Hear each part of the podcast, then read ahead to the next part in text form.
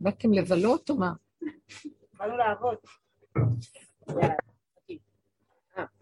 איך באתם לעבוד? אנחנו כבר צריכים לשנות את השפה. באנו ליהנות. באנו ליהנות, זאת המילה. באנו נכון. ליהנות. גם כשקולפים תפוחים בשביל המסעדה צריך ליהנות. זהו, זה המהלך החדש. באמת, אה, עכשיו אנחנו בהשראת חנוכה, השראת האור הגנוז, שהוא מתגלה.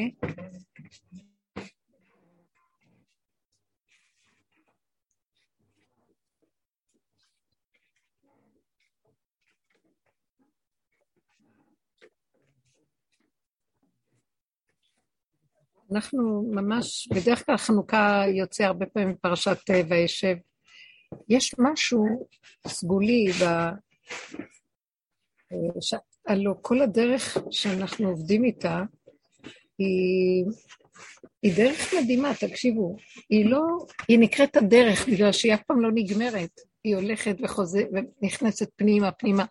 אמנם חלק ממנה בצורה הקודמת נגמר. מה נגמר?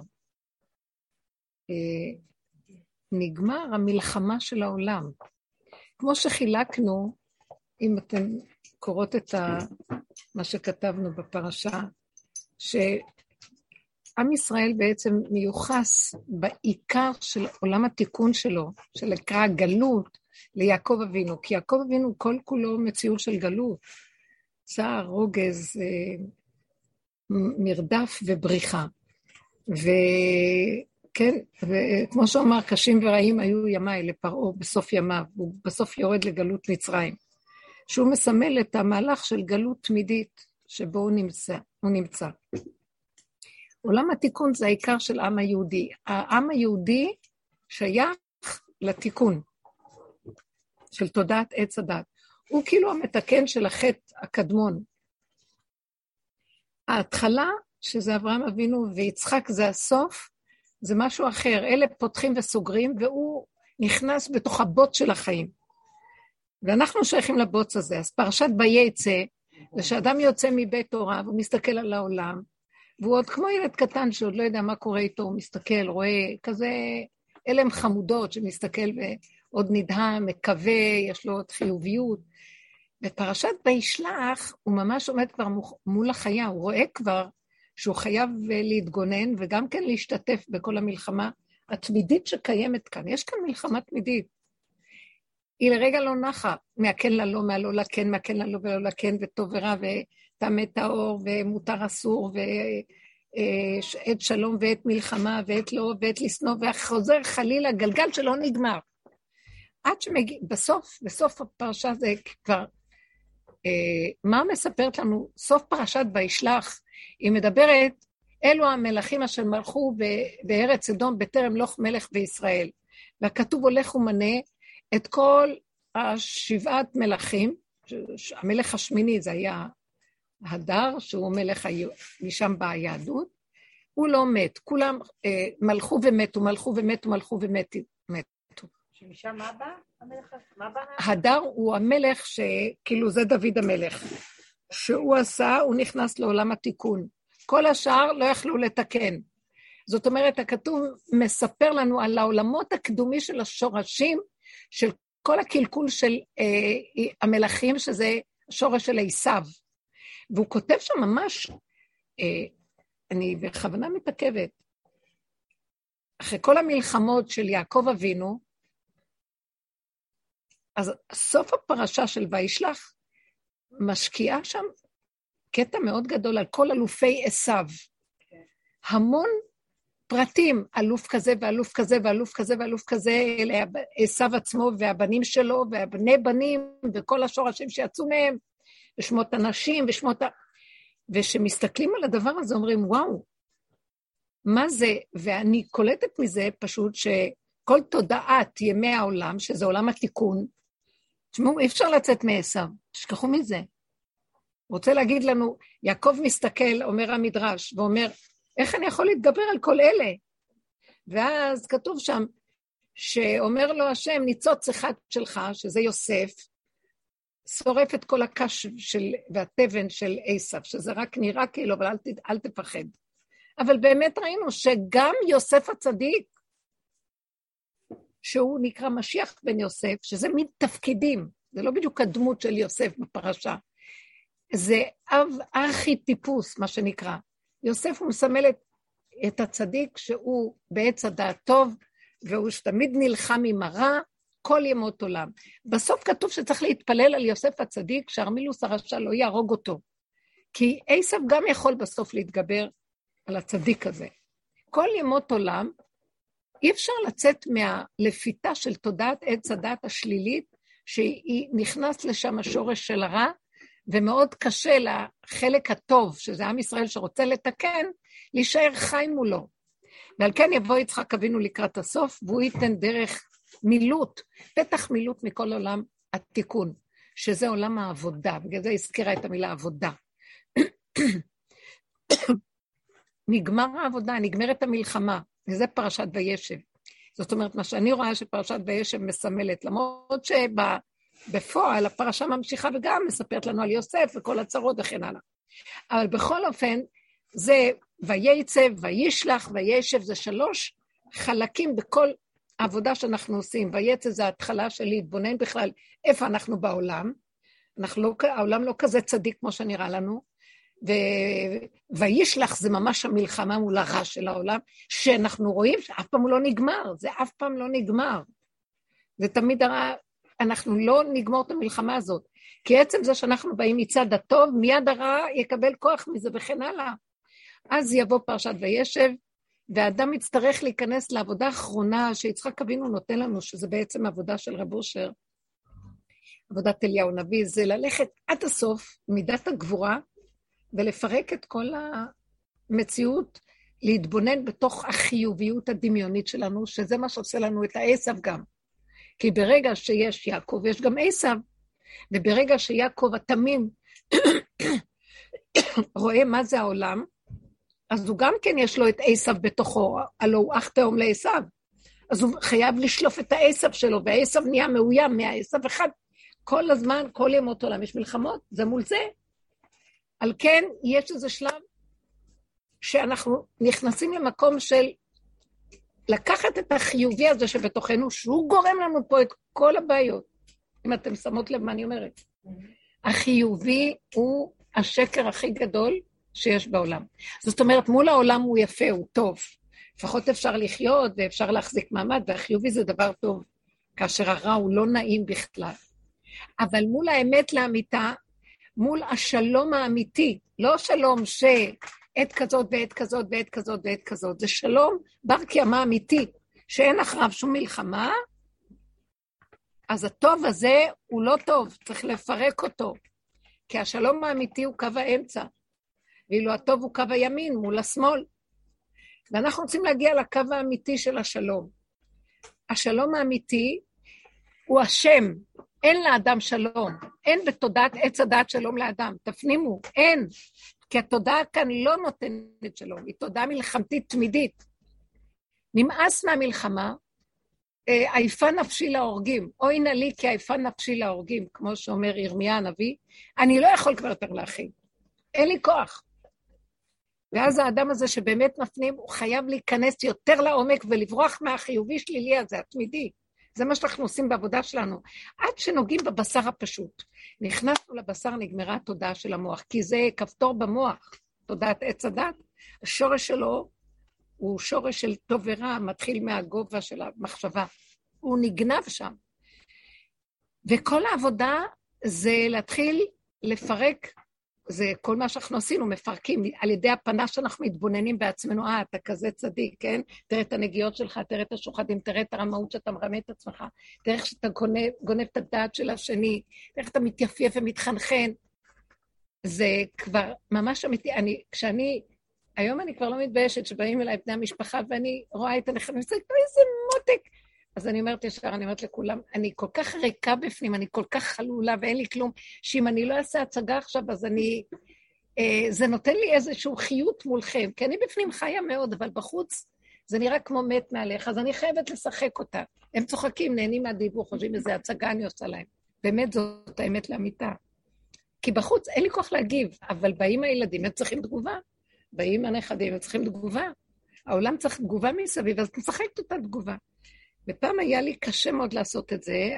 עכשיו אני, כדי שיהיה לי יותר קל לעשות, אני כבר משתפת את כולם וצוחקת על עצמי, אז זה נעשה יותר קל. וזאת האמת הפשוטה. והאמת לאמיתה היא שנכנסים לבשר ואדם לא צריך את התגובתיות הזאת, ולא צריך את ההתנהגות החיצונית. למה? מה קרה כשהתיישבנו בבשר? המוח מתיישב בבשר, זה נקרא. וישב יעקב. אין, אין מישהו אחר מולי, אין, אין אף אחד. בדיוק, זה בדיוק. רק הבשר שלי.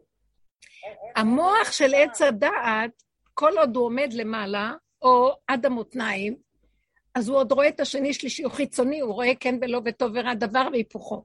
ככה הוא רואה את העולם, זו התודעה שלו. ככה הוא מפרש, ככה הוא מדבר, זה השפה גם, הכל. כשהוא נכנס עוד יותר לעומק, המוח הזה נכנס לבשר, זה מאוד מעניין, הוא מקבל התמרה, הוא מקבל ערקה, ונהיה התמרת אנרגיה. המוח כבר לא זה שמוביל, כי המוח שמוביל הוא מוח של עץ הדת, הוא מוח של דמיון האני, הוא מוח מסורס, הוא מוח שחושב שהוא יכול כאשר הוא לא יכול כלום. בואו תראו איזה מצחיק המוח הזה. הוא נותן פקודה, תעשה את זה, זה, זה, זה, זה, זה, זה, וכל הזמן, מה שנקרא מוח שליט הלב, כל הגוף רץ אחרי המוח, כי המוח אומר מה לעשות. אבל באמת, ביהדות יש לנו שכל נכון, אז המוח הוא שולט. אבל עדיין זה האני של המוח הטוב ששולט. אבל בעולם בכלליות, כשהמוח שולט, הגוף רץ אחריו. כי, תקשיבו, למה המוח שולט? המוח הוא יהיר, הוא גבוה, הוא מסתכל על הגוף בזלזול. טיפש שכמוך, חתיכת בהמה. אני אומר לך מה לעשות, אני כאן השליט, לי יש את השכל, אני יודע לאן אני מוביל. עד כאן כל הדורות הלכו ככה, ויש בזה גם איזה תהליך של תיקון מסוים. כשאנחנו מתבוננים במוח הזה ואנחנו רואים שהוא אומר לי מה לעשות, פתאום יש איזו מרדות בתוך הגוף.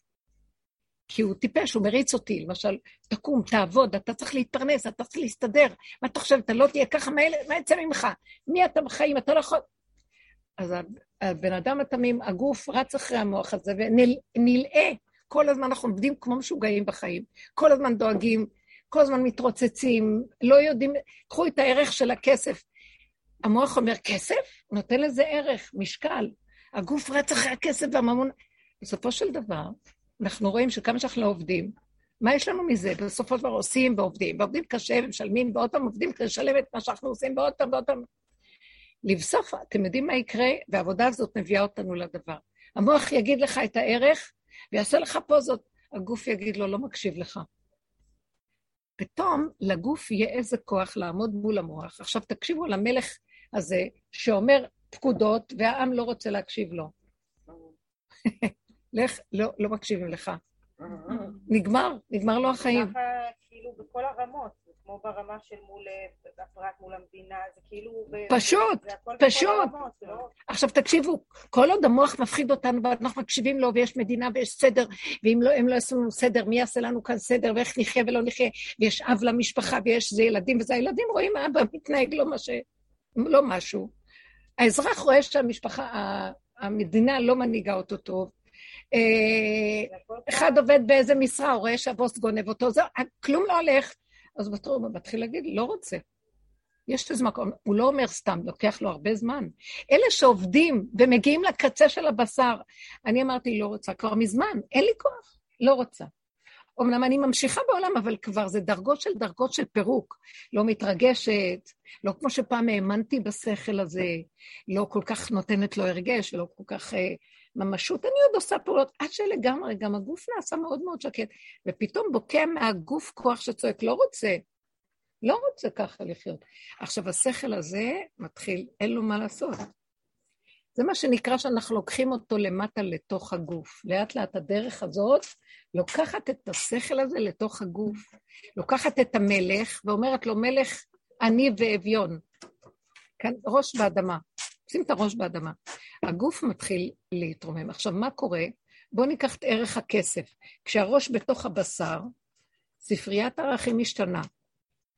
אה, עדיין זה נכון שהכסף חשוב, אבל לא כערך בפני עצמו, הוא רק אמצעי, כי זה באמת יסודו. הוא אמצעי כדי להנהיג פה את ה... את הריד... העולם זז, אז צריך זוזים שמזיזים אותם. אבל כשזה בא מלמטה, בואו נגיד, מה קודם לכסף? צורך עולה איזה צורך, איזה רצון למשהו. והוא בא מלמטה, לא מהמוח. הצורך הזה בא, וכיכרו בידו. הוא גם יביא את הממון לדבר. הוא יפתח את הדלתות מה שצריך כדי שהצורך יתבצע. אז צריך, הערך של הכסף הולך, הוא רק חלק ממשהו. ואז אדם הולך, הוא לא מחשיב כמה זה יעלה, לא יעלה, אולי הוא יכול לחשבן, אבל זה לא יהיה משמעותי. הוא יעשה כי הצורך לדבר חשוב יותר מכמה זה עולה לעשות את זה. בעוד שבעולם של המוח אנחנו, הערך של הממון עולה על הכל, וכל, אנחנו מדכאים את הצרכים ואת הרצונות ואת הכל, כי אין כסף. אז יושבים ולא עושים. כשאנחנו מעבירים את כל הכוח הזה לחלק של הבשר, הבשר יודע, הוא רואה דבר, ופתאום הוא אומר, כן צריך לעשות ככה, הוא כאן ועושה. הוא שואל, כמה יהיה לי, לא יהיה לי? הוא אומר, רגע, אני צריך, והוא לא חושב יותר מזה, הדבר מתבצע מאליו. כי מי ששלח לו את הצורך לדבר באמת, שזה לא נגנב מהמוח, בצורך האמיתי, הוא גם זה שייתן לו את הכל, מה שנצרך לקיים את הדבר ולהפוך אותו למציאות קיימת. אז זה חיים אחרים. נגמר הלחץ, נגמר המתח, נגמר... אותו דבר בכל פעולות שנעשה. זה לא, זה עולם העשייה, צריך לפעול, צריך לעשות, צריך ליצור, צריך לעשות דברים, זה נחמד, זה חלק מהחיים פה, אבל זה לא עבודה, זה לא עמל, זה לא שעבוד, זה הבדל גדול מאוד מאוד. החיים מתחילים להיות במקום הזה. למשל, אדם קם, הוא רואה איזה משהו צריך לעשות, אז הוא אומר, טוב, בוא נעשה. תקשיבו, כשאני חושבת, בוא נעשה מהמוח, ישר אני מתחילה לחשבן, מה עם הכסף? אוי, אין לי פועלים, אולי נעשה ככה, לא נעשה ככה, נהיה לי לחץ, מתח, אני צריכה ללכת ממקום למקום, ואין לי מספיק זמן, אז כבר יש לי ערך של זמן, ערך של מקום, כבר נהיה לי לחץ, וככה אני יכולה להיות רפויה. כשאנחנו באים מצד הגוף, אז איך זה עובד? אני כאן, אני מתחילה, בא ערך, אני הולכת.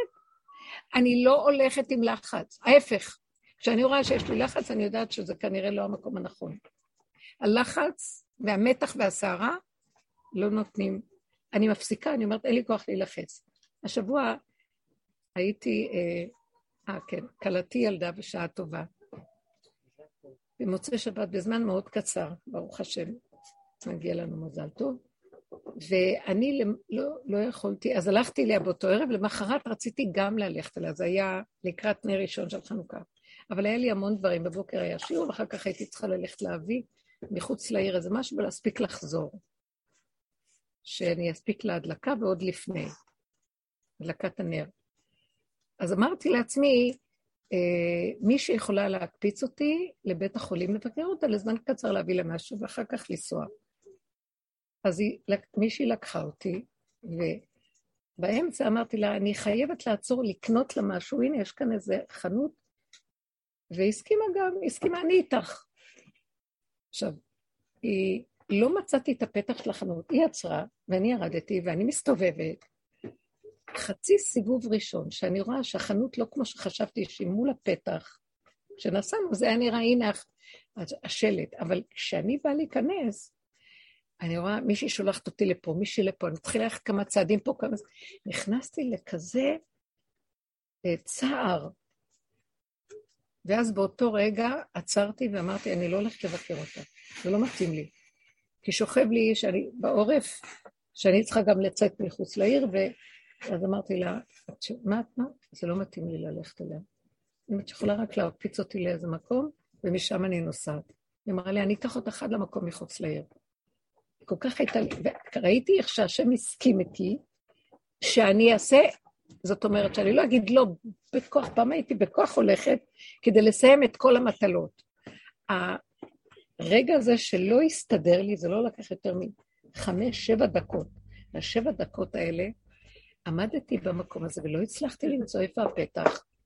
הייתה לי מצוקה, וראיתי שהמצוקה נובעת מהדפוסים הקודמים של שליטה וכוח ויכול לסדר הכל בכל מכל כל איך שאני רוצה, ולא איך שהסיבה מובילה אותי.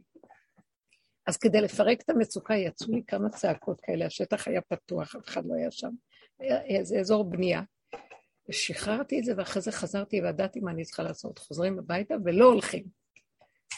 לא, היא תרצה שאני אגיע, לא, לא מרצה, לא כלום, לא מסתדר, לא הולכת. החזירה אותי וגם הציעה בדרך שגם תיקח אותי. זה היה לא, לא יישוב מודיעין, לא רחוק מירושלים. וזה הכל היה, והכל הסתדר כל כך יפה, וראיתי שהוא לא, ההשגחה לא רוצה שאני אשתעבד. טיפה של לחץ, טיפה של מתח, טיפה של אה, חרדה, שערה וכעס, לא, שם אני לא נמצא, אומר לי. את כבר יורדת למציאות הגוף, התיישבות, שם הסיבה פותחת וכן. כן זה כן ולא זה לא. שהכן שלך יהיה כן והלא שלך יהיה לא. ולא לזגזג ביניהם. וזה בסדר, כי גם הכן וגם הלא בסדר גמור. לא את שולטת בהם, הסיבה בעצמה מוליכה ושולטת. וזה מהלך גדול מאוד. אתם קולטות מה אני מדברת בעצם, מאיזה מקום אנחנו באים עכשיו לתרבות של אמת פשוטה.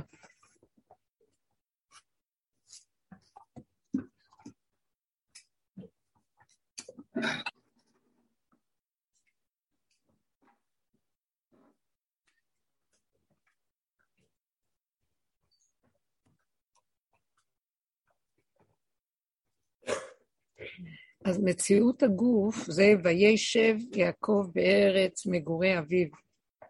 שגם יצחק אבינו ירד למקום הזה והוא נשאר, הוא לא הלך עם העולם של הפילוסופיות ודעתנות והכול, הוא ירד לעומקים של הבאר וחפר עד שהוא נכנס פנימה. עכשיו אנחנו, גם חנוכה, האור הגנוז של חנוכה זה האור שיורד בחנוכה שמונה ימים, זה האור שמעל שבעת הימים. יש אור שבעת הימים והאור השמיני. זה אור הגנוז, הוא יורד על הכלים הקטנים, הוא יורד על, על הגוף, לא על הרוח ועל ההבל וההתרחבות. הפך תרבות יוון שזה ההבלים, הרוחני. זה יורד למקום של קטנות, גבוליות, פשטות. שמה אין התנגדות, אז הוא מתגלה האור הזה. וחלק קטן, פח קטן, החזיק שמונה ימים. הקטנות הזאת זה מה שדיברנו עכשיו עד כה. זאת אומרת שאנחנו יורדים מהמציאות של עץ הדת טוב ורע. המלחמה התמידית שלנו בעץ הדת הזה, שעם ישראל הוא מזוהה עם הגלות הזאת, עם המלחמה התמידית. התפקיד של עם ישראל הולך ונגמר. עם ישראל כבר לא צריך לעשות עבודות. הוא יזכה במתנת חסד וחינם בגאולה. בזכות כמה אה, אנשים שעושים עבודה, שיורדים, מוכנים לרדת לשורשים, שזה מעבר ליעקב אבינו, שזה יצחק אבינו כבר. יש בתוכה, בתוכנו, יש את זה, את החלקים האלה. בדרך כלל זה יהיה אנשים, הנוקבה יהיה להם את הכוח הזה, או נשמות של נוקבה. כי יעקב אבינו, הוא לא, הוא בתפקיד שלו, הוא בזכר, לכן כל ימות עולם האישה, אה, לא מקבלים עדות מהאישה, והאישה אה, בעבודת התיקון, בעולם התיקון, היא נשלטת. היא כאילו בחינה של אה, הרג את, הנק, את הנקבה, הנקבה וסרס את הזכר, זכר בגלות. יש מדרש כזה. זאת אומרת שאנחנו נמצאים במקום שהשכל של, של דעת תורה מוביל. והכוח של הנפש והנוקבה בגלות, איננו. וגם כשהוא מוביל, הוא גם נמצא בגלות, אבל לפחות הוא בצד הזכר. הזכר של התורה מול הזכר של עולם ההפקר. יעקב מול עשיו. יעקב מסמל את אוהלה של תורה. החלק הזה מתחיל להיגמר, כי כבר לא נגמרת המלחמה, כי כל עוד יש את הבירורים של החכמים, ככה גם יהיה התנגדות. אז החכמים מוציאים מהם את האורות ומעלים, מוציאים ומעלים, עד שנגמר להוציא את האורות, וכבר נגמר התיקון של עם ישראל. עכשיו הנוקבה צריכה לעשות את העבודה שלפני הגאולה. זו העבודה שאנחנו עושים. מהי העבודה של הנוקבה? שכבר אין לה כוח לשום מלחמות, כי היא הכי אכלה אותה, מה שנקרא. כל הדורות, אה, איך אמרה רבקה ליעקב? עליי קיללתך בני. היא בעצם סוחבת את הקללה של עץ הדעת יותר מהזכר. הזכר עוד גמור, אבל הוא לפחות יושב במקום קצת יותר גבוה, שיש לו איזה רווח והצלה, עם השכל, עם הכבוד, יצווה לביתו, איך ההלכה אומרת, יצווה לביתו ויגישו לו ויביאו לו, היא רצה כל הזמן לתת ולעשות. בסדר, זה תפקיד יפה, לא אמרנו כלום, אני, אני לא נגד זה, הפוך. אבל עכשיו יהיו, הנוקבה תצטרך לרדת למטה וללכת למקום איפה שהזכר לא יכול. היא תגיד לו, עכשיו אתה תעמוד בחוץ, ממש כמו אסתר ומרדכי. אסתר בפנים, בתוך בית אחשורוש, ומרדכי בשער המלך בחוץ. הוא לא נכנס, הוא לא יכול להיכנס. סכנה בשביל המוח להיכנס שם. צריך להיכנס, עבודת יצחק אבינו זה עבודת הממית ומחיה, זה עבודת הממית. והדעת לא מוכנה למות. הדעת קשה לה למות. כי יש לה כביכול עולם התיקון, אז היא לא יכולה למות, היא צריכה שכל. אבל הנוקבה מוותרת על הכל, יורדת ונשחטת באיזשהו... יש איזו נקודה של אמת בסוף בעבודה, שזה מה שהיא נכנסת לתוך הגוף, מכניסה את הדעת לתוך הגוף. עכשיו, תקשיבו לי, לנשים אף פעם לא הייתה דעת, אז איזה דעת היא מכניסה?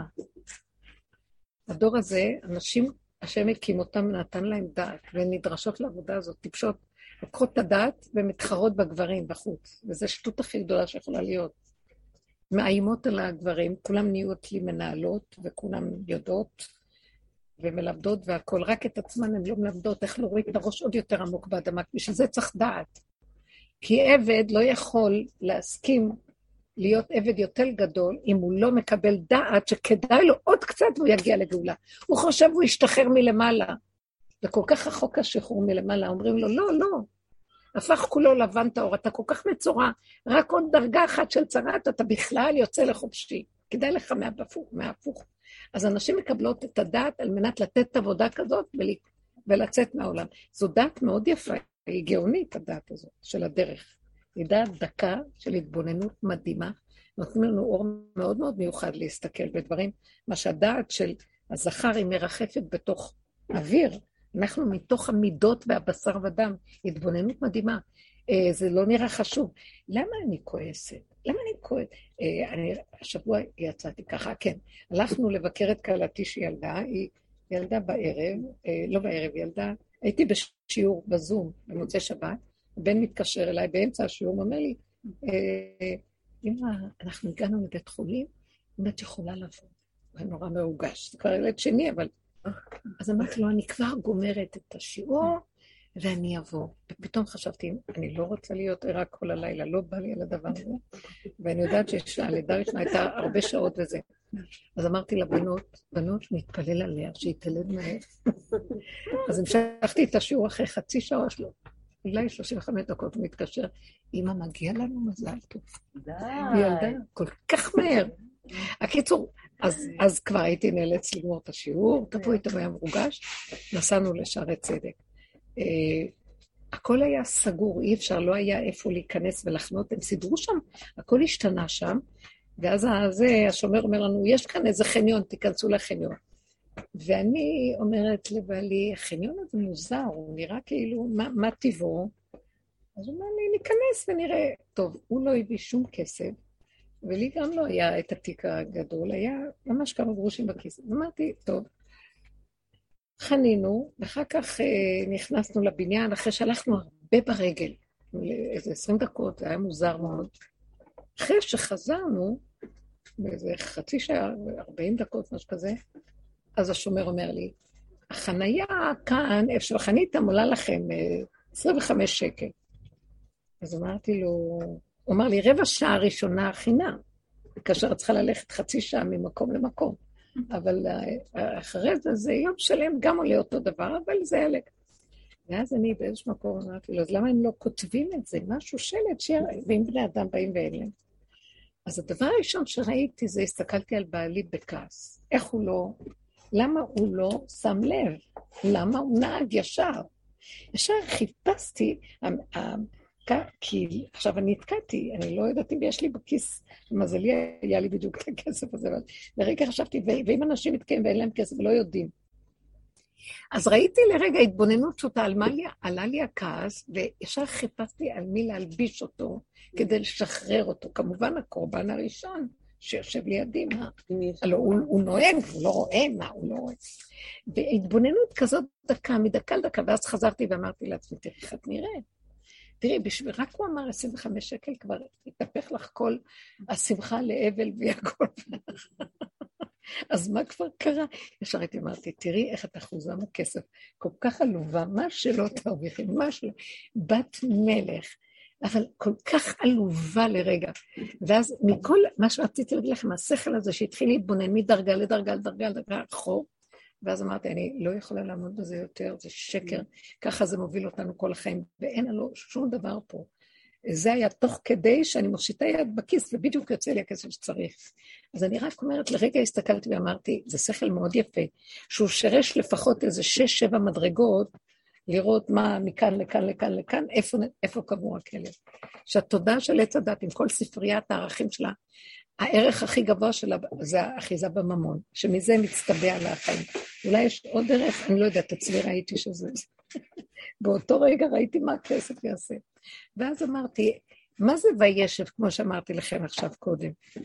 להתיישב, לקחתי את המוח הזה, ואז לקחתי את המוח הזה ושמתי אותו בבשר וצעקתי בתוך הנפש, אבל אין לי כוח לטיפת מצוקה, אני רוצה להיות בשמחה תמידית, מכל דבר קטן רגע, שמחה קטנה של החיים, ילדה, שמחתי, זה קרה, לא רוצה שיזיז לי כלום, אין לי כוח להכיל סבל וייסורים של שום דבר, אפילו קטן שבקטן, וכל כך הרבה עבודה נתנו, שנים על גבי שנים.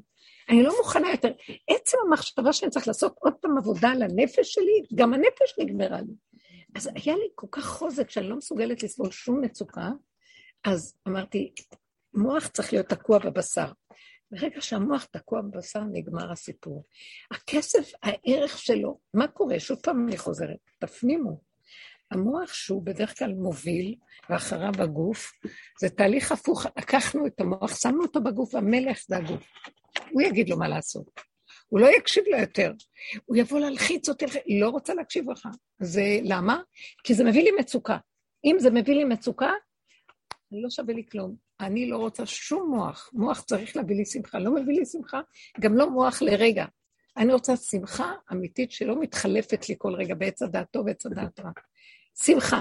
עכשיו, הגוף מביא לי את הפשטות הזאת, כי למה? אה, פתאום אין ערך כזה או כזה. מה, כסף זה רק אמצעי, זה לא כלום. שאני אעשה ממנו נקודה.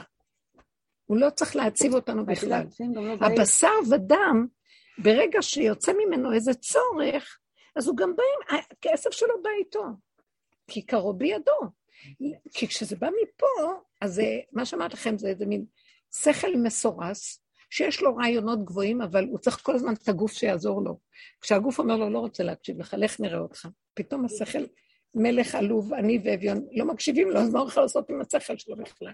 חבר'ה, תמרדו, תמרדו במוח, תנו לגוף קודם כל לקום. זה נקרא וישב יעקב. הגלות של יעקב מתיישבת בתוך הבשר, ולא רצה להקשיב יותר. הגוף קודם. לא יכולתי לסבול את המצוקה. תשימו לב למצוקות שלכם ואל תיתנו, אל תצדיקו אותם ותגידו, טוב, אחד עוד אחד שווה, אז ככה זה העולם. לא, אנחנו מביאים אור חדש. זה האור הגנוז בא מלמטה. השכינה אומרת, אני מסדרת לכם, נתתי לך איזה רצון למשהו, איזה דחף פנימי, תקשיב לדחף הזה, אני נמצאת שם. אני נמצאת שם, ואני גם מביאה לך את כל מה שאתה צריך לדבר הזה. למשל, אני שוב פעם אומרת, אני שמה לב, באופן טבעי, המוח כל הזמן מלחיץ אותי. למה? אני נותנת לכם נקודות של מוח. גם אתכם, כן? מה המוח עושה? הוא יודע שיש לו פגישה בשעה הזאת וזו, עכשיו הוא נלחץ. אני אספיק ככה, אני צריך לעשות גם את זה וגם את זה וגם את זה, וזה ריבוי, ואני לא אספיק, ואז נהיה לחץ. נהיה סערה, נהיה... בכל ערך יש לו את הסערה שלו. צריך לפגוש מישהו, יש פחד מי זה הבן אדם הזה, יצחק בן אדם, מה אני צריכה לקבל ממנו משהו, אני צריכה אה, כאילו אינטרסים וכל השאר, כל הזמן יש מתח. כשבא מהגוף איזה צורך, אז אני הולכת. אין לי במוח עוד דבר חוץ מזה. נגמר, שלום על ישראל. שלום, אני הולכת לדבר. למה שאני עוד מתח? כי כשאנחנו בלחץ, זאת אומרת שיש לנו עוד איזה דבר או שניים או שלושה, בד בבד, וזה לוקח לי... אז אני פוחדת איך אני אעשה את הכל בבת אחת. כי זה אלוהים מסורס, מה שנקרא. וייתם כאלוקים, אין לו כוח, רוצה להיות כמו אלוקים, הוא כל הזמן נזקק לכולם שיסדרו לו, אבל יש לו גדלות ושיגעון למלוך על כולם. רודן משוגע בשיגעון הגדלות. הגוף הוא משהו אחר. השכינה אומרת, נותנת איזה דחף, קום תעשה, תושיט יד. ואם לא יספיק לי הכסף, ואם לא... אין כזה דבר, לא חושבים יותר מהרגע. קמתי, קמתי, הלכתי, הלכתי, נתתי זה, נפתח הדלת, עשה זה, אמרתי מילה, מילה עבדה, גם אני צריך את הכסף, הכסף יגיע. הכל עובד. בלי מעקשים בדרך ובלי סבל. זה נקרא והתיישב, להתיישב, בתוך הגוף, השכל מתיישב בגוף. פתאום אני ראיתי, באמת, אני רואה שזה, שנניח שהדבר אה, עולה יקר, נכנסתי לאיזה חנות, והיה שם כמה דברים שהייתי צריכה, אבל זה היה מאוד יקר. ואז חשבתי, אני אקנה את זה? אני לא אקנה את זה? פתאום אמרתי, לא. אמרתי לעצמי, הכסף לא שלך. אה, ופתאום אמרתי, אולי אני אלך לחנות אחרת ששם יותר זול. ואז אמרתי, מה אכפת לך לפרנס את המסכן הזה שיושב כאן והוא מחכה שאנשים יבואו, אז מה אם זה קצת יותר יקר? אז זה, אז זה לא כסף שלך. אל תלכי מפה לפה לחפש איפה זה. כי תפרנסי את העולם של השם, מה יש? מה יש? הוא נותן, זה שלא משל... אחד יפרנס את השם, אחד ייתן שני, זה לא אנחנו מפרנסים, זה הוא דרכנו. שמע, את הולכת לחפש את זה ואת זה ואת זה. שחררי. היה מוח כזה, קול כזה פשוט ויפה. ואני אגיד לכם, פשוט היה לי שלווה פנימית, ואמרתי, זה שקר כל החשבונאות. אני לקחתי את הערך של הכסף, בכל דבר זה יהיה ככה. למשל, בן שלי רוצה לעשות, הוא אמר לי, אמא, אולי נעשה את הברית אצלך. הברית הקודמת הייתה אצל המחותנים. ובדרך כלל אני עושה אצלי הרבה דברים, יש לנו בית גדול, ברוך השם. אז אמרתי להם, אתה רוצה בשמחה. אבל uh, עוד לפני שנולד הילד, אמרתי לו, תשמע, אם יש ברית, הפעם אצלי, בצחוק כאילו, כן? שמרתי עוד את זה בחשבונות ש... בסדר? מה, מה קרה? הם קיבלו את החלק הראשון, למה? קודם כל ילכו אחרי הבנים, לא למה הבנות קודם. אבל ככה זה בתרבות שלנו. אז אה, וישמור את הדבר בליבו. עכשיו שזה התחיל, אז אני... אז עכשיו הוא אומר לי, אמא נעשה אצלך, יופי, בשמחה, בטח, כאילו, אני לא אכפת לי כלום, כן? פתאום הוא אומר לי, אמא, את יודעת חנוכה? מתקשר לא מזמן. חנוכה, וסינסון בריתות בבוקר, וכולם יהיו בחופש, הילדים יבואו, יהיו המון אנשים. זה יספיק הבית? ואז אני רציתי, ופתאום לרגע אמרתי, ומה עם התור שלי לעצמי? אמרתי, קם לי אותו, כן, חש, חשבונאי, הבנק, איך קוראים? בנקאי. ואז אמרתי לו, לא, איך שאתה רוצה, אבל תראה, אולי אפשר להסתדר, ניסיתי ליפייף. בסוף אמרתי, הוא צודק. יבואו כל כך הרבה אנשים, הבית, רק להזיז, רק לארגן, רק זה צריך המון עבודה. לוקחים איזה עולם ונגמר הסיפור. לא, אצלהם לא הייתי מסכימה. זה ייהרג ובל יעבור. אבל בתוך המקום של הנפש פתאום אמרתי לעצמי, מה? עוד פעם את באת עם המוח הזה המחושבן, המחשבן, ומצוקות מתחילות לעלות לי? אין לי כוח למצוקות. זה קנה מידה מדהים העניין הזה, שימו לב. תרחמו על הנפש מהמצוקות שהמוח עושה. ואת יודעת שגם אין לי כוח מהשמחה היתרה. כאילו, גם אין לי כוח גם לשמוח. כן, זה כאילו- דמיון. כן, אני אומרת, אני שמחה מזה, בסוף כאילו כשזה גם קורה, אז אני נופלת, זה אותו מטבע. בדיוק. אז לא רוצה לא לשמוח. אני כבר לא שמחה מכלום. אני סטטית. את עוד שמחה ממשהו? אני שמחה רק מזה שאני שולטת, ולא אף אחד. זו עוד השמחה האחרונה שיש לי, לא אכפת לי. אבל באמת, גם את זה הוא רוצה. כל אחד איפה כן. שתקוע לו. שחררי, איפה שיעשו, יעשו, מה אכפת לי כלום. כי הוא כל הזמן אומר לי, אמא, תגידי, מה נראה לך? מה כל כך אכפת לך מה נראה לי? כנראה שזה אינטרס שם משהו, כלכלי או משהו. אבל אמרתי, תשחררי, תשחררי. העיקר שלא יהיה מצוקה. תקשיבו, לשחרר הכל, זה לא קל. כי בעל המאה הוא בעל הדעה, אז מה אתה חושב, תגיד לי מה לעשות? אז תסדר לך פראייר אחר שיממן, לא? לא חשוב, הלוא זה מה שאת אומרת, לא? אני אומרת לעצמי, שחרר, לשחרר, לשחרר, שלא יהיה מצוקות, שלא יהיה לחץ, שלא יהיה עבודות קשות, לא כמו המוח, איך שהוא מארגן את כל מציאות החיים פה. כל מציאות החיים פה בנויה מהמוח הזה שעושה אחד ועוד אחד באינטרסים וגדלויות שונות וכל זה, ואדם משכנע את עצמו שיש לו שמחה מזה, ומזה הוא חי וכל השאר. לא, השמחה אמיתית אמיתית, כשמגיעים עם המוח לתודעה של הגוף, בגוף, שהגוף, המוח בגוף, זה השלווה והרגיעות. זה הערך הכי עליון שיש. שבת. שבת באי נפש. אין נפש, אין שערה, אין חשבונאות, אין שום רגש, כלום. הכל שקט. יהיה ככה טוב, יהיה ככה טוב, הכל טוב. מה אכפת לי? זו תודעה חדשה, שם יש יסוד האור הגנוז. שהכל מתהפך. המעטים, הם ב... הרבים ביד מעטים, והרשעים ביד הצדיקים שהם רוב העולם, וכן הלאה. הכל מתהפך. זה המקום שאנחנו מחפשים אותו עכשיו. אבל זה לא צריך לחפש אותו, הוא קיים למטה.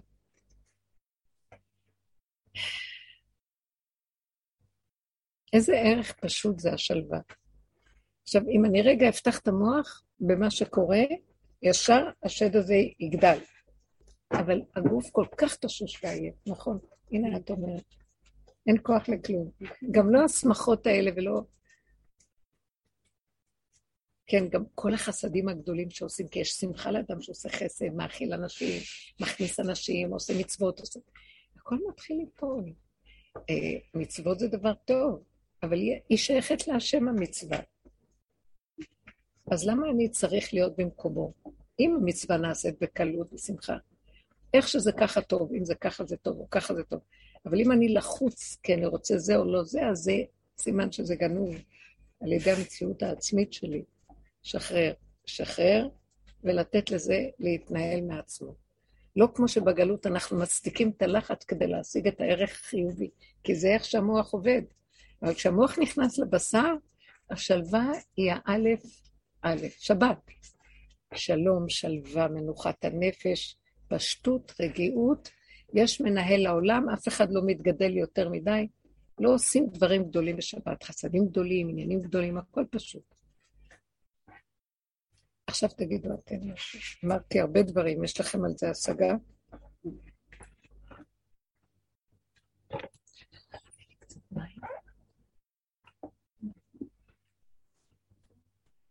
אתם כבר ממש בתוך הבשר לגמרי.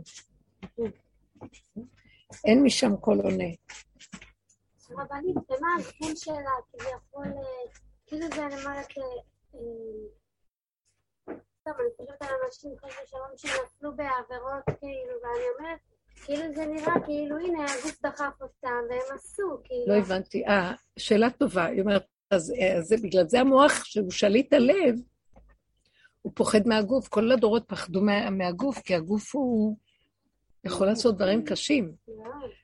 למה הגוף יכול לעשות דברים קשים? הלכתי אחרי הגוף, הלכתי אחרי הדחף כביכול. כן, אבל זה לא הלכנו אחרי הדחף, את טועה. מה שקרה הוא, וזה איך שאנחנו תמיד אה, מדברים, המוח של עץ הדת רע, יש טוב ויש רע. גם הטוב, אבל העולם מתרכז בעיקר ברע שלו, לפני שניתנה התורה. עד שבא אברהם אבינו שהיה טוב אמיתי, וגם כמה צדיקים בודדים בכל דור היו.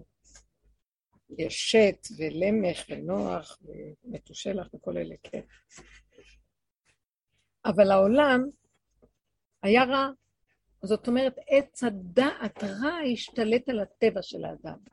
הוא שדד את האדם. מה שאומרים יצר לב האדם רע? הוא הביא אותו, אני עכשיו נתתי לכם דוגמה. הוא הביא אותו, אה, למשל, גדלות. אני כאן, למה שרק הם? גם אני רוצה, ואז יש תחרות וקנאה. עכשיו, תקחי את זה ברוע יותר גדול, זה עכשיו מכוסה ומאוד יפה. כאילו אני הייתי נאורה ונתתי להם קודם.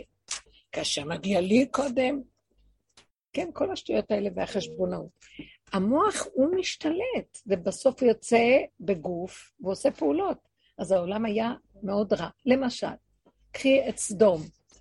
סדום, היה שם אסור להכניס אורחים. חסד לא היה בא בחשבון. חסד חינם. ואז הם אמרו, מי שמכניס לבתים חסד, הוא נידון ונשפט בבתי המשפט שמה, שהוא עשה עבירה הכי גדולה. מה הכוונה שלהם?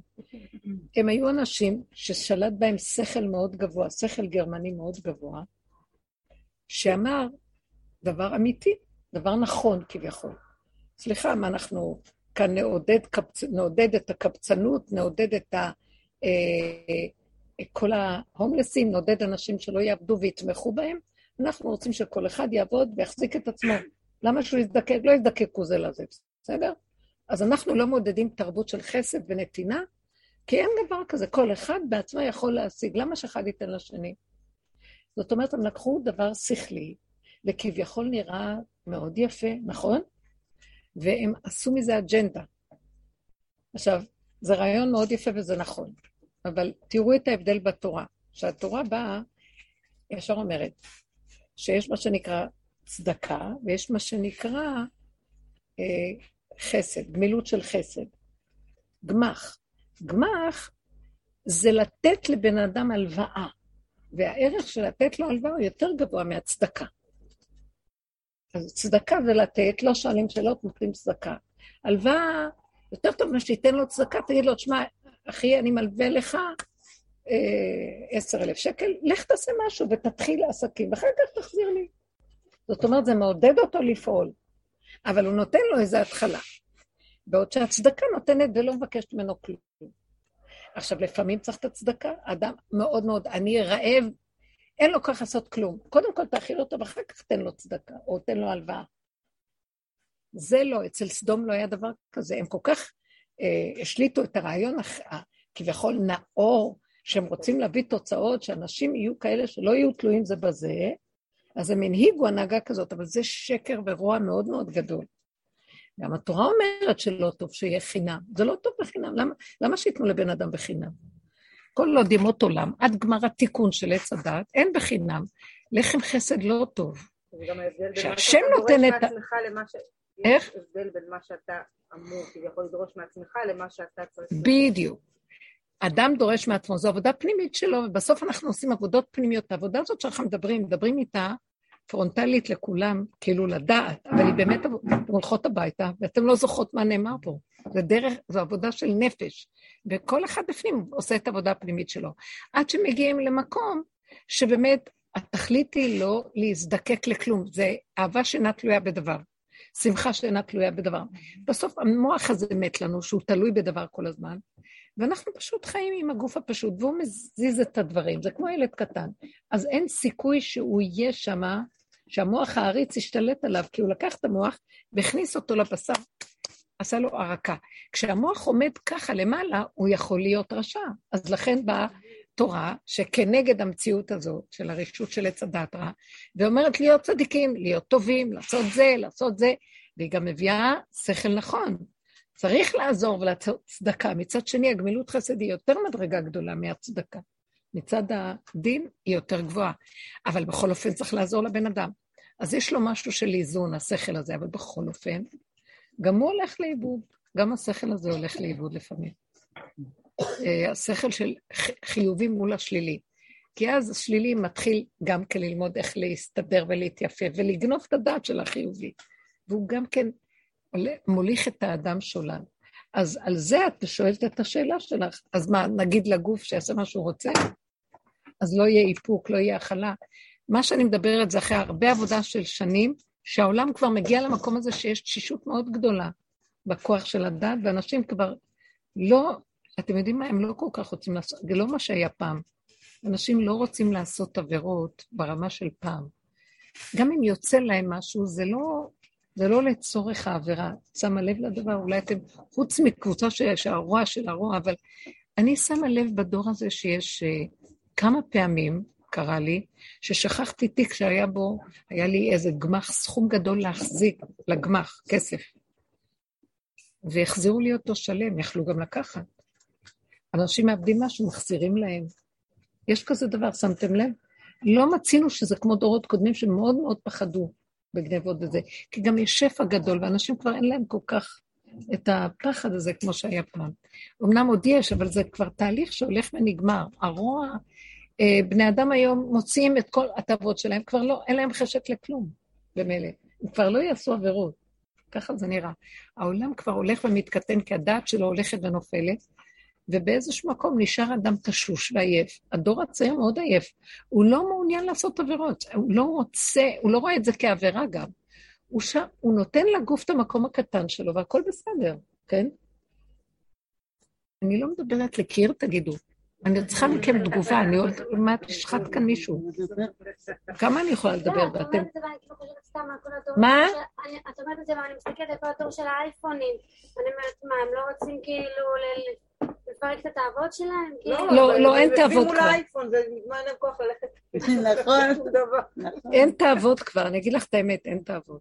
הדורות הראשונים, את יודעת מה הם, היית רואה שהדור הזה בכלל הוא כמו איזה נהימה שבכלל לא נשמעת, מרוב חולשה וזקנה. אין כבר כלום, האנשים הצעירים זה לא, זה כלום. פעם היה יותר, פעם היה יותר, אנשים כבר אין להם כוח להרבה דברים, הכל פשוט. מה הם עושים? יושבים ושותים, מקסימום מעשנים, זה מה שיש היום בעולם. אין, זה לא מה שהיה פעם. אני לא יודעת, אולי אני טועה. אבל אלה שעושים עבודה עד הסוף, אני מדברת אליהם. את עכשיו לוקחת את המוח שלך, שזה מוח של עץ הדת ומביאה אותו לעולם. אני כבר גמרתי על העולם. מה את מעוררת לי את השד הזה עוד פעם? אני מדברת על אנשים שחיים עם העבודה. שכבר לא מציאות, אין לנו כוח לכלום, אנחנו לא מעוניינים בכלום, רק שיהיה לנו רגע של קורת רוח ושלווה עכשיו. שווה לי שאני אריב על איפה נעשה את הברית, או שווה לי. זה כבר לא יכול להיות לי יותר. אה, מה יכול עוד להיות? אה, כי אנחנו מגיעים למקום שלא רוצה עולם, לא רוצה דמויות, לא רוצה אנשים, כמו שהיא אמרה, לא בא לי אפילו גם לא השמחות הגדולות והכול. תנו לי רק רגע של מנוחת הנפש. המוח כבר, הרוע של המוח כבר אין לו ממשות. עשו לו הרבה תיקונים, הוא נגמר. אז הוא מתיישב עכשיו בגוף, וצריך לתת לגוף מה שהוא רוצה. אין בכלל בעיה, הוא לא ירצה לעשות עבירות. אני מבטיחה לך. הוא לא ירצה לעשות דברים קשים. מה שהתורה אפילו אומרת עבירות, זה כבר היום לא נחשב. אה, העיקר שלא יהרוג מישהו. הוא לא רוצה כבר להרוג, חוץ מערבים לפעמים. את יודעת, לא באות אליי. המון רווקות לייעוץ. סליחה שעוד יש להם איזה תאוות חרב, נקם. תקשיבי, בנות באות אליי הרבה רווקות לייעוץ, ואצל כולם בדור, בזמן האחרון, כאילו, גם אין אהבה.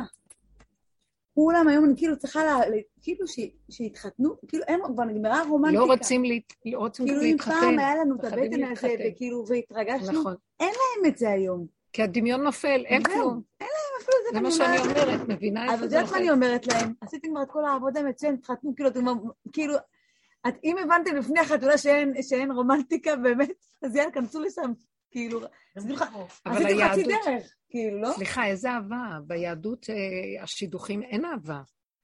אה, הדמיון נכון. עובד, זה נחמד, הדמיון. תמימים כאלה. גם אין, היום כבר התמימות כבר גם ירדה. גם התמימות ואז ירדה, אתה הכל מסתכל ירד. על הבן אדם ואתה אומר, וואי, אתה הורג אותי, אני הורגת אותך, ואין לנו סיבה להיפרד, כי יש משהו בעצם.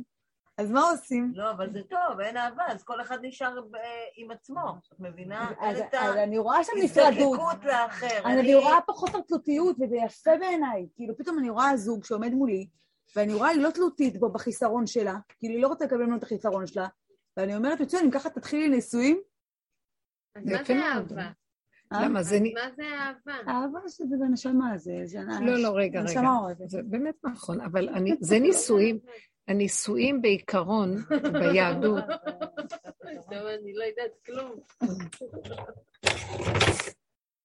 העיקרון הוא שהנישואים בעולם התיקון, איפה אהבה בסרט של היום? רגע, רגע, אה, אה, זה- אתן מבלבלות כאן דברים.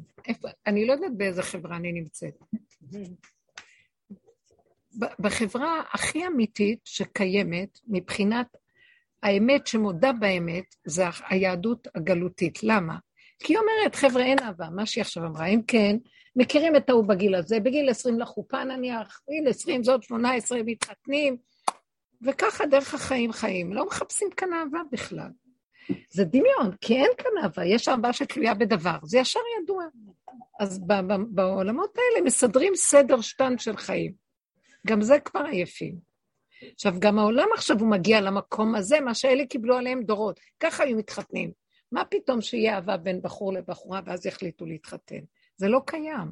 זה עולם התיקון, קיבל על עצמו עול, שהכל כאן דמיון, ובגיל כזה עושים ככה, ובגיל כזה עושים ככה, וככה נכנסים למציאות החיים. ויולדים ילדים וחיים, ומעבירים מדור לדור. כל הדורות שנולדו, זה בשביל הדור הבא, בשביל הדור הבא, בשביל הדור הבא, עד לעתיד לבוא הדור הבא. זה לא, וככה מתקנים בעצם, זה עולם התיקון. אבל בדמיונות של העולם יש אהבה ויש זה, הכל מתחיל להתגלות עכשיו, איזה אהבה יש. שהוא ממלא לך את החיסרון. מה שכל כאילו. הזמן, אה? שהוא ממלא לך את החיסרון.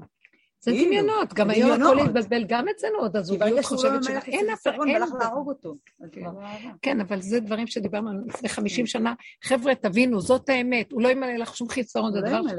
הוא לא ימלא, את זה כבר, תראי, אלה כבר יש עוד במקום אחר, בבשר. זה דברים שדיברנו קודם, זה לא ימלא, זה לא יעשה, אנחנו כבר מבינים, זה, זה קהלת כזה, אין כלום. אבל אנחנו לא רוצים להיות עצובים, אז אנחנו נקבל את הכל שאין כלום, ואיך שזה ככה, ילדים קטנים שמחים. כי באמת זה דמיון, החיסרון של האדם זה שהוא ישלים עם עצמו, בפגם של עצמו, וגם גילינו שהפגם שלי זה המוח שלי עושה לי את זה פגם, הוא מפרש את זה כפגם. לא חסר שום דבר, הכל בסדר איך שזה ככה. אם האדם נמצא בתוך הערך של עצמו, הוא גם לא יזיק לשני. העולם קודם לא היה עם עצמו, הכל היה בחוץ, בחוץ, בחוץ, בחוץ, אז הרסו עולמות. הדרך של כל העבודות הפנימיות, עולם התיקון הכניס פנימה, פנימה, פנימה, ועוד אלה שעשו את העבודה הזאת עוד יותר, הכי פנימה, יותר אין לך חשק לכלום. את מגיעה למקום שכבר כל השקרים מתגלים. אז, אז בשביל מה להתחתן? באמת אנשים כבר לא רוצים כל כך להתחתן. אנשים לא כל כך רוצים ללדת ילדים. זה סוף הדורות. העולם התיקון צריך להתחתן וללדת ילדים. נגמר גם התיקון. אתם יודעים שנגמר עולם התיקון? גם עולם היהדות הוא בסך הכל כרגע על הסוף של הסיום שלו. עולם הבירורים, זה נקרא עבודת הבירורים נגמרה. ומה שנשאר הוא פשוט לחפש את השם, לא את החוקים של התורה, את הקשר של האדם הפרטי עם בוראו. והקשר הזה נמצא בגוף. שמעתם? לא במוח של העולם, לא במוח של העולם. שם זה עץ הדת, זה לא. הסתתרה שכינה. אבל הגוף, כשהוא משולל מהמוח הזה, ילד קטן, שם יש יותר אלוקות. נקי, פשוט. צבעים התורה. פשוטים איך שהם, בלי שיגעון הגדלות, בלי שהמוח מגדיל אותם. המוח שם פנס על הטבע, עושה אותו שודד. אם אין מוח, הוא לא יהיה שודד, מקסימום ייקח את העיפרון של מישהו אחר. הוא לא יעשה דברים רעים, כי המוח הוא זכוכית מגדלת שמגדילה את הטבע. הטבע איכשהו גבולי, קטן, ולא יחרוג ממציאותו. שאמר לעולמו, די, זה עולם הטבע. אז די, הוא יודע את הגבול, אבל המוח מרחיב אותו. הוא יושב עליו ושודד אותו ומרחיב אותו, שיגעון הגדלות. גאווה, גדלות, חרדה, פחד, נקמה, נטירה, הכל קטן אצל האדם, מאוד קטן. ילד קטן עם התוואים שלו, הוא לא יכול להזיק. כמו אדם גדול שיש לו מוח שיודע. דעת היא מזיקה, לא הגוף. ועכשיו שאנחנו מפרקים את הדעת, וסוף סוף עושים לה ערקה באדמה, כי אנחנו מתבוננים, חזור לאחוריך בעצמנו, אז הגוף נשאר פשוט עייף, תשוש, גבולי, הוא לא רוצה, אפילו שמחה לא בא לו כמו העולם. תן לו את הדבר הקטן כאן ועכשיו עם עצמו, שמח לו. הוא מחפש בתוכו קשר פנימי ברמה אחרת לגמרי, שהיא לא מצויה פה בעולם. זה קשר של האור הגנוז, האור שנמצא בתוך האדם גנוז ומכוסה מהמוח. למה הוא מסתתר שם? כי הוא מפחד מהמוח. האור הזה לא מסתדר עם המוח של עץ הדת. הוא ישרוף אותו בשנייה. האור הזה הוא מאוד מסוכן אם אנחנו לא מוכנים והוא יעלה לנו מלמעלה ואנחנו עוד עם המוח, אנחנו נשרפים על המקום. זה מה שקורה לאדם משוגע שמשתגע. פתאום הוא קיבל איזו הערה שהוא לא יכול להכיל אותה, אין לו כלים להכיל אותה, הוא הולך להתאשפז. או אלה שמעשנים ויוצא להם פתאום, רואים את ההצצה לאור הזה, זה מסוכן. רק צריך לבנות כלים. הכלי הכי גדול לקבלת האור הגנוז זה השלווה והשקט והגבוליות. ככה וזהו, בלי להתפעל מכלום, בלי לתת משמעות, בלי לעשות שום רשימו של שום דבר, ככה וזהו. זה עבודה מדהימה. העייפות בעצמה עושה את הכל. הגבוליות. זהו. למה שאני בכלל... עוד אני אומרת לכם עוד את החשבון שהיה לי מפה לפה, כי רגע קפץ לי, אבל הוא עכשיו קפץ. פעם עוד הייתי מתרחבת על זה, והייתי, ואולי הייתי מחפשת איך לעשות ויכוח מהסיפור. היום אני סתם ראיתי את עצמי, חזרתי לחור, השתתק הכל, נגמר אחרי כמה דקות, בכלל לא זכרתי מהסיפור. וזו עבודה הביאה אותנו למקום שהיא משתיקה את כל המוח הזה, והנעימה שלו נקברת. אין, אין כבר כוח לכלום, אתן שמות לב לדבר הזה. גם לא. התגובה של הסביבה, שאת אומרת משהו, אפילו את רואה איזה עיוות בחוץ, או איזה נקודה שקשה לך להסכים איתה והיא נכונה, כן? שהעולם באמת דפוק. ואת רואה, ואת לא מוכנה, ואת אומרת את זה, ואז מנגד באה אלייך תגובה, שכאילו, שהם לא מבינים בכלל על מה את מדברת, ואת נכון. כאילו, את המשוגעת, נכון. אז אפילו אני מתחילה, אני מתחילה לדבר, ואז אני אומרת, שתקי, שתקי, ככל שאני אשתוק יותר מוקדם, ככה יהיה לי פחות מצוקה, כי אין כוח לדבר הזה, זה נכון, לא בדיוק. נגמר. זה לא ייגמר. זה מקבל מזון מזה שאחד עונה לשני, אין לזה כן. כלום, שקט. כאילו, כי זה לא, אור לא, של יחידה, וכאן זה ריבוי. זה לא נפלא. שקט, מה אכפת לי מה אנשים יחשבו, לא יחשבו כמה. זה גם לא משנה, העולם כבר לא נחשב בעיניי, כאילו, מה יגידו לי, יגידו לך. אבל יש גירוי, את לא, את את נמצאת, כאילו, את את יוצאת לעולם גם. כאילו. כן, את יוצאת, אבל מה זה לעולם? גם אין לך משמעות של העולם במוח כמו פעם. גם אם מישהו יגיד לך משהו, אז את לא... גם אם יצא לך עליו לרגע, גם בסדר, הכל בסדר. הכל רגע ונגמר, דועך. זה לא מה שהיה פעם, שזה נהיה עולם. הכל פשוט, קטן, נגמר מהר, זהו, אין כלום. זה נותן לאדם אפשרות להתעמק פנימה ולהתחיל לחיות ברובד אחר. יש רובדים עמוקים פנימיים מדהימים של שקט. מאוד מעניין ש... אה, בת שלך, שבאנו אז, אה, מרים, היא- היא- דיברנו על משהו, ואז היא דיברה איזה דיבור שיש מישהי שהיא הולכת, היא מראיינת הומלסים, ויש לה תוכנית כזאת. והיא אומרת, מאחד לאחד לאחד, כולם זו אותה מסקנה. הם לא רוצים, גם אם ייתנו להם בתים והכול, הם לא רוצים לעזוב איפה שהם נמצאים. כי הם הגיעו למקום של חירות מדהימה. הם לא רוצים להיכנס בחזרה למציאות של העולם. מה חסר להם? התפטרו מכל החשבונות רבים. אה, גם אם יעשו חובות, אין להם כוח להחזיר ועוזבים אותם. לא משלמים כלום, הם חיים את הרגע. גם אם יסדרו להם איזה בית, הם לא מוכנים לקחת את העול שהבית הזה... אדם קבור בתוך בית גדול, צריך לנקות, לסדר, לעבוד, יותר טוב להיות בחוץ. בחוץ גם רואים עולם. יש... אני ראיתי, בבית זה המון עבודה, למה אני צריכה עבודה? בבית? לא נגמר לנקות, לא נגמר לבשל, לסדר, לא נגמר העבודה בבית, המון עבודה. אז הם אומרים, לא נכנסים הביתה, יותר טוב, הומלס, אין לו הום, אין לו בית. זה יפה, תשימו לב מה, בסוף, בסוף הם אומרים לך את האמת הכי גדולה. שבעצם מה, אנחנו אומרים, שכינה בגלות, היא ברחובות, אין לה בית. אני מסתכלת על הכל ואני אומרת, היא לא רוצה שיהיה לה בית, כנס הביתה ירקוד בבית. הם רואים אותנו, אנחנו המסכנים. בסוף עולם הפוך ראיתי. כן. היחידה עם עצמה חיה טוב, בגלל עולם התיקון וכל המבנה הנלווה לו, משפחה, בית, נישואים, כל הדברים האלה. זה, עול, זה עולם התיקון, זה עולם העול. קיבל, קיבלו על עצמם עול. זה קשה. עול חשבונות רבים נגמר. האדם נכנס לתוך הנקודה של עצמו, והוא חי כמו ילד קטן בעולמו. ככה השם רצה שנחיה. זה כל זה לא היה נצרך, כל השעבוד והעול והגלות, ו... אבל היינו צריכים לעבור דרך זה, כי זה עץ הדת. חשבתם שאתם יכולים להיות כמו אלוקים? תרימו את התיק, נראה אתכם. המוח הזה, עכשיו הגוף לא נשמע לו, כי הגוף תשוש והמוח עוד חושב לשחק עם הגוף. לא מקשיב לו הגוף. הגוף רוצה לשבת ולא רוצה כלום. בנחת, ברגיעות, הכל עד אליו, בכבוד, בלי חשבונות, בלי שני, שלישי, רביעי. איך שאני, ככה. הדור החדש הוא כזה. הם לא רוצים, הדור החדש לא רוצה לעשות.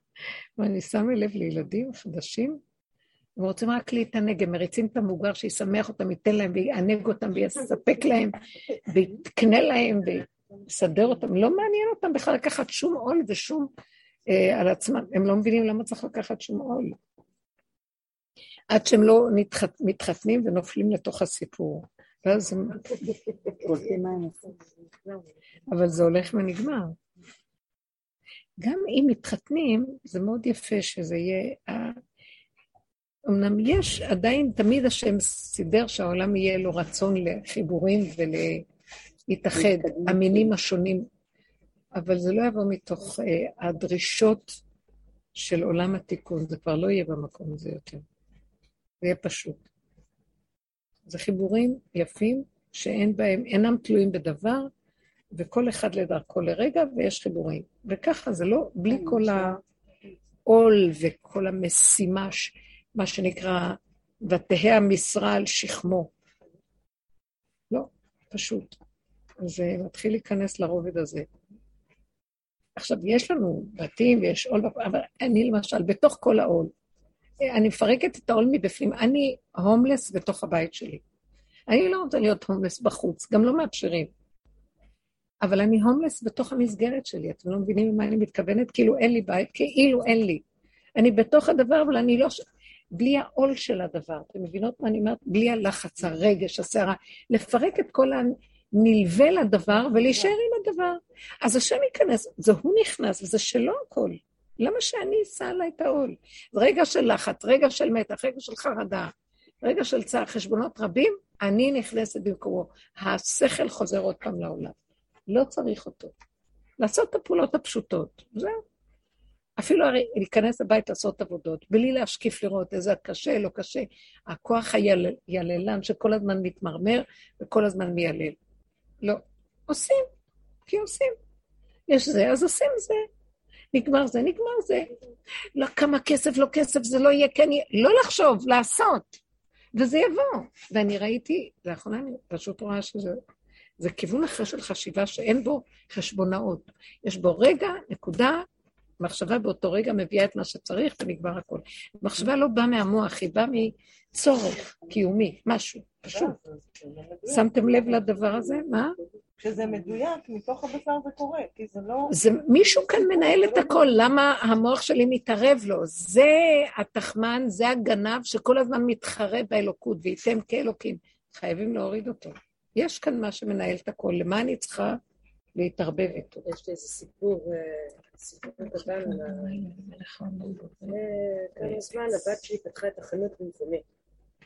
עבדה שם, סיימה את היום, סגרה את החנות, נשבר לה המפתח בפנים. זהו, חנות נעולה, אי אפשר להיכנס. ננעלה בפנים? לא.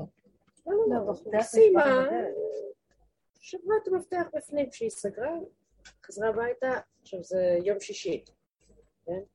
אומרת לי, אם נשבר המפתח, אי אפשר להיכנס. טוב, זהו, נכנס שבת, שבת, חנות שלה. חנות שלי. יום ראשון, אני באה לעבודה. לא יודעת מה לעשות, כן? מתוך הבשר, אני באה לעבודה, אני מתיישבת ככה, את מכירה את המקום שלי, נכון? בחוץ. עושה לי קפה, מתיישבת. הראשון שמגיע, נראה רב כזה, כן? הוא נראה איש גדול, דתי. אני אומרת לו, תגיד, רבי אהרון. אתה יודע לפרוץ? הוא אומר לי, את יודעת מה? כן. וואו. אבא אתה יודע שלי, מה שאלת אותו? לפרוץ. אני צריכה מישהו שיפרוץ לי את החנות, אני לא יכולה להיכנס. אומר לי, אבא שלי היה פורץ. כל הילדות שלי הייתי מתלווה אליו. במקרה אני יודע לפרוץ. בא, איזה הבטחה פרטית. פו פו פו, צ'ה צ'ה צ'ה צ'ה צ'ה צ'ה. פתח לי את הדלת, החליף לי את. הצילינדר. והמשיך דרכו. שתית קפה ונהנה. מדהים. וזה היה ממש מהמקום הזה שאת מדברת עליו, של אני פה, באתי לעבוד. ההשתתות שלי עשיתי, עכשיו שלך, בוא נגיד שאת כאן. הבוסית של עצמך. בוא נגיד שהיה לך בוס שעומד לך על הראש ומלחיץ אותך. מה את מוכנה? להיות במקום הזה? כן. יאללה. מה. שלא יהיה, אני נשארת באותה תנועה. כי יש לי אפשרות אחרת, לא. כשיש, כשאין אפשרויות, ואתם יודעים מה? אם המוח נפתח, יש מיליון אפשרויות, כי הוא, הוא כמו אלוקים, הכל הוא יכול. וכשהגוף יודע, הגוף אומר, לא יודע. זה דבר מדהים. היה לנו מישהו במשפחה שכל מה שהייתי שואלת אותו, מגיל קטן, הוא אומר לי, אני לא יודע. זה היה מרגיז אותי, כי אני טיפוס של דעת, והוא מאוד פשוט, תמים פשוט. והיה מרגיז אותי מאוד. מה זה אתה לא יודע? אין דבר כזה שלא יודעים. תענה לי תשובה. נכון. לא יודע. וואי, וזה היה גומר עליי. והיום אני מסתכלת ואומרת, הוא כל כך באמת. הוא באמת לא יודע. הבן שלי בא אליי ואומר המוח לי, לא מקבל את זה. הבן שלי בא אליי ואומר לי, אמא, את לא יודעת כלום. הוא אומר לי שאת לא יודעת. כאילו, למה את לא יודעת? כאילו, ממש, כאילו, בתשובה, כאילו, אני לא, אני כל הזמן אומרת לה, אני לא לא יודעת, אני לא יודעת, אני לא יודעת, ואיכשהו זה יוצא לי ככה, והוא משתגע מזה, זה מעצבן אותו מאוד. שאני לא יודעת, שאני לא נותנת לו פתרונות, שאני לא נותנת לו, זה לא שהוא, זה לא עושה אותו רגוע. אז זה כל היופי, מתוך הדעת הגדולה של עץ הדעת הגנב, להגיע למקום של אני לא יודע. כי יש אנשים בטבע שהם אומרים ישר, אומרים לא. כל דבר זה לא, אני לא יודע, לא יכול, אני לא. ואילו האדם שיש לו דעת, הוא לא יכול להגיד כזה דבר. רגע, חכה רגע, טק, נכון. טק, טק, חושב, אין, הוא יפרק עולמות כדי לדעת. וזה המקום שהתרבות מגיעה אליו בסוף. לא יודע, תכלית הידיעה שלא נדע, ולא מאוימים מזה גם. במקום הזה יתגלה בר הדעת הגדול ביותר בעולם ויסדר את הכל. מתוכנו גם. פתאום יש איזו הבזקה ויודעים. זה פלא עצום הדבר הזה. הכנענו את הקליפה של הדעת, תרבות יוון, שיודעת הכל. זה היופי, תראו, מה שהמעטים עשו לרבים בתרב... בתקופת היוונים. הלא יודע הכניע את הדעת הגדולה שיודעת הכל. לא יודע, כי ככה וזהו. איזה הכנעה יש בזה. שם, למה? מה הכניע פה? הם לא יכלו לסבול שהם לא יודעים הכל, ומתחרים באלוקים כל הזמן. ובא הקטן הזה ואומר לו, לא, אתה לא יכול להתחרות בהכל. מה? והוא הביא את הגילוי האלוקי דרך הקטנות שלו. המקום שהיה אה, למתתיהו, כהן גדול, זה ש... לפי הסיפור זה מתתיהו, לא כל כך ברור, שהוא לא יכול היה לסבול את, ה... את היהירות של היוונים, שהם עושים מה שהם רוצים, כי לי אורי ואני עשיתיני, עם הדעת שלהם כביכול. הגבול של המוח שלו היה, לא יכול היה להכיל, כי הוא היה כהן של השם, נכנע לרצון האלוקי. הכהנים הם מאוד עצבניים, דבר ידוע, כי הם מאוד גבוליים, כי הם עובדים עם הגבול בלי, בלי המוח העצמי. למה הם נחשבים לכהנים? הבכור היה צריך להיות הכהן. והבכור, כל אותיות בכור, ב' כ' ר', זה אותיות שתיים. אני רק השני לך, בורא עולם. הוא נכנע לבורא, והבורא מנהל אותו. עכשיו שאין בכורות, שהם חטאו הבכורות, אז הכוהנים נבחרו להיות הכוהנים, וגם כן, אני רק עושה מה שאתה רוצה, אני משרת בקודש, מתבטל אליך, אתה נותן לי תפקידים, ואני מתבטל לתפקידים ועושה אותם. אז הבחור הזה, הכהן הזה, הוא גבולי מאוד, כי רק שם מתגלה השם. הוא עושה, הוא נכנע, מכניע את הישות שלו לבורא.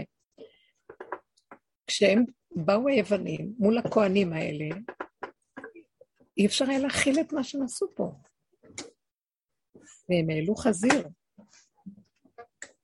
אז, אז כל האש הזאת של הגבוליות יצאה להם, בקנאת השם.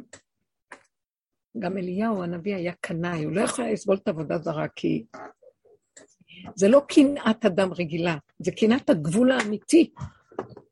והם יצאו, מעטים כבשו ברמה שבלתי ניתן לתאר. כמו מלחמת ששת הימים. שזה לא יתואר מה שקרה כאן, נס שהוא לא אנושי, נגד שבע אומות שקמה עלינו בבת אחת. ממש, זה מלחמת הכיבוש של יהושע שנכבשה להם הדרך ככה ברוב הזמנים. בכל אופן, המעטים כבשו את הרבים, כי השם התגלה שם. איך אנחנו אומרים? אה, על הניסים ועל הפורקן ועל הגבורות שעשית לאבותינו בימים ההם בזמן הזה. זאת אומרת שחוזר עוד פעם כל הזמן, על ידי כהניך הקדושים, אה, וגם כתוב שם, מסרת גיבורים, אתה מסרת גיבורים. לא, שהגיבורים, שהחלשים יתגברו על הגיבורים. מסרת חלשים, גיבורים ביד חלשים. אה, רבים ביד מעטים, אה, טמאים ביד טהורים, רשעים ביד עוסקי, זדים ביד עוסקי תורתך וצדיקים ביד צדיקים. זאת אומרת, אתה מסרת, אתה עשית, אתה, כל הזמן אנחנו מזכירים את זה, הקטנות הייתה סיבה שאתה דרכה נכנסת ויכולת לעשות את הנס. זה לא המעטים יכלו לעשות, בטבע אין המעט יכול נגד הריבוי. אבל כשאתה נכנס, אז אתה עושה כל מה שאתה רוצה באמת ברגע אחד. מה אתה צריך כדי להיכנס פה? קטנות. זאת אומרת שאין שכל של עץ הדת שהוא דמיון הגדול, כי הוא רק דמיון באמת. כל הזמן אנחנו בדמיון, זה תרבות הדמיון. והתרבות הזאת כביכול נראה, זה באמת פלא. בעליל אנחנו רואים את התרבויות הגדולות שהיו ונעלמו. תרבות אה, בבל ומדי ופרס, ותרבות יוון ותרבות אדום. איפה נעלמו כל התרבויות האלה? וגם העולם פה עכשיו. איפה כל הגדלות הולכת? הרשעה כולת להשם תכף. כי זה רק דמיון, היא לא באמת קיימת. בגלל זה אין לה נצח. היא כל. הזמן עוברת ובא עוד מישהו ועוד פעם עוברת. לאן היא? לא, בזמנה היא נראית, מי יכול לה? מצרים? מי יכול למצרים? מי יכול לפרס ומדי, ששלטו בכל העולם? מי יכול לבבל? נבוכדנצר היה משהו מפחיד. מי יכול היה לבית תלמי וכל אלה שהם הלכו? כי זהו, בסוף הם כלו והלכו, כל הגדלות הזאת, כי היא דמיון והיא זמני, היא לא נצח. זה הצד של המוח.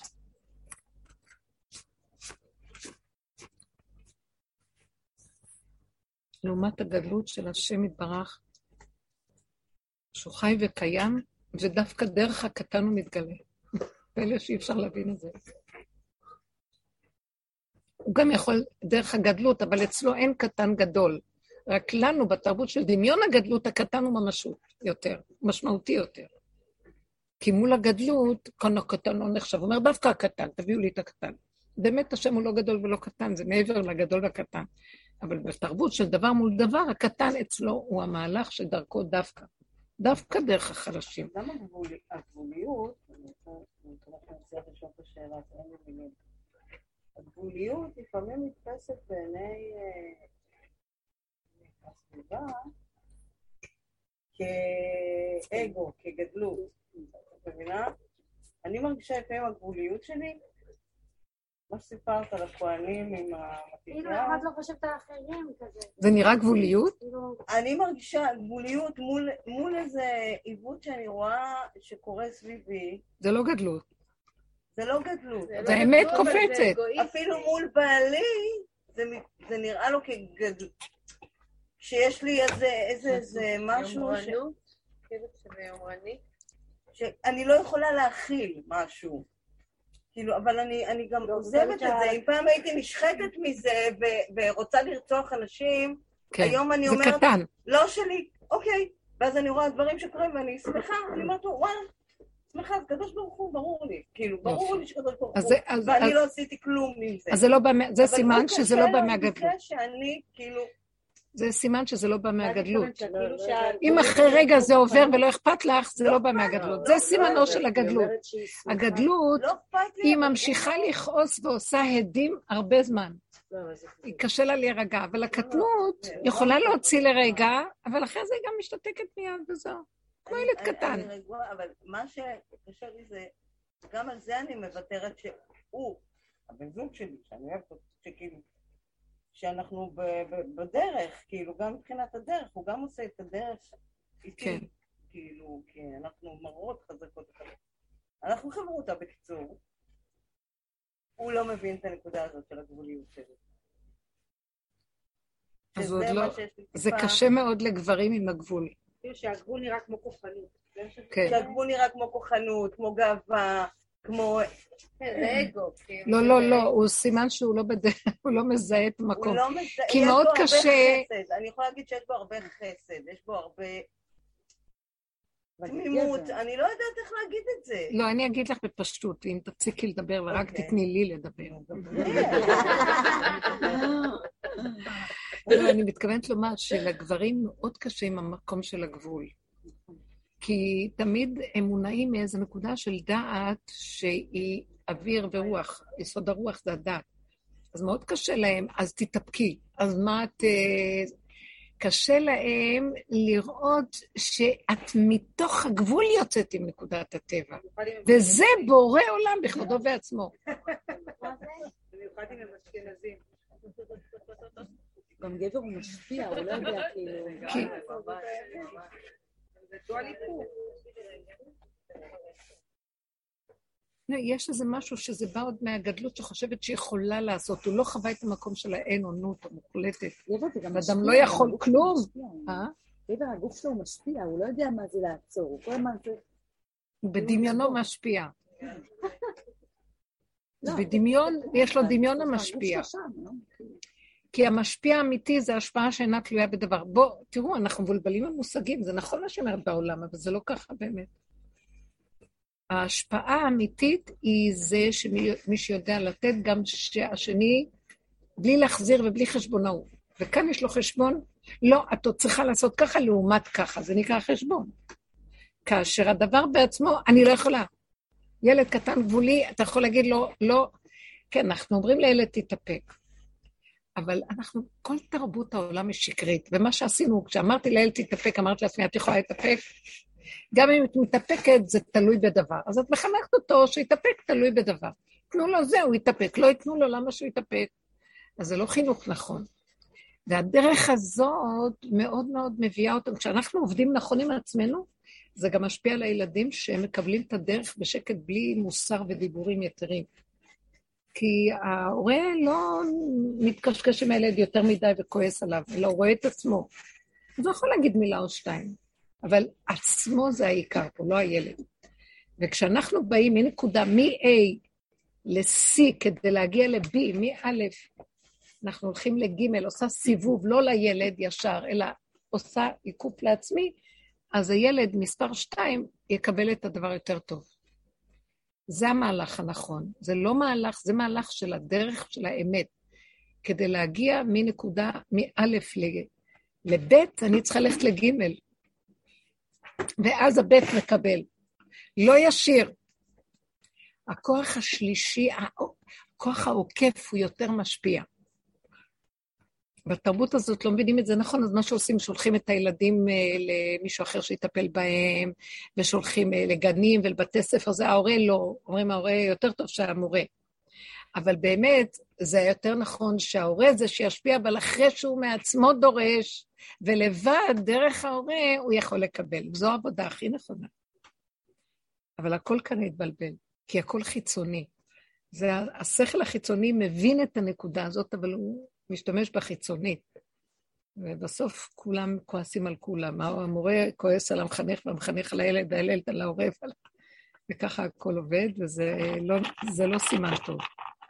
בעוד שאם האדם עובד עם הנקודה שלו, אז הוא מחפש מעצמו. כשאני ראיתי את, את הצורה שלי, שאני מחפשת על מי להתרגז, על החנייה הזאת, ואז אני רגילה לזה, להתבונן ולהסתכל, ואז אמרתי, חזרי בך, אין כאן אף אחד. זה אותו יללן שמר לו והוא חייב לזרוק את השפריץ על מישהו כדי להירגע קצת. אז uh, למה, למה לחפש קורבנות? תהיי את הקורבן ותסתכלי, תקבלי, גם את לא צריכה להיות קורבן, כי ככה זה וזהו זה, ותביני, זה העולם. Uh, כי תפסת, תפסתי שהערך של הכסף זה מה שמרמר אותי, ואז אמרתי, תשחררי זה של בורא עולם הכל. הקול שלו, ותפסיקו להתעלות בערך כזה או אחר ולהצדיק למה להיות ממורמר עליו. כי זה מאוד קשה, והשם סידר בעולמו שזה הכסף מנהל את העולם.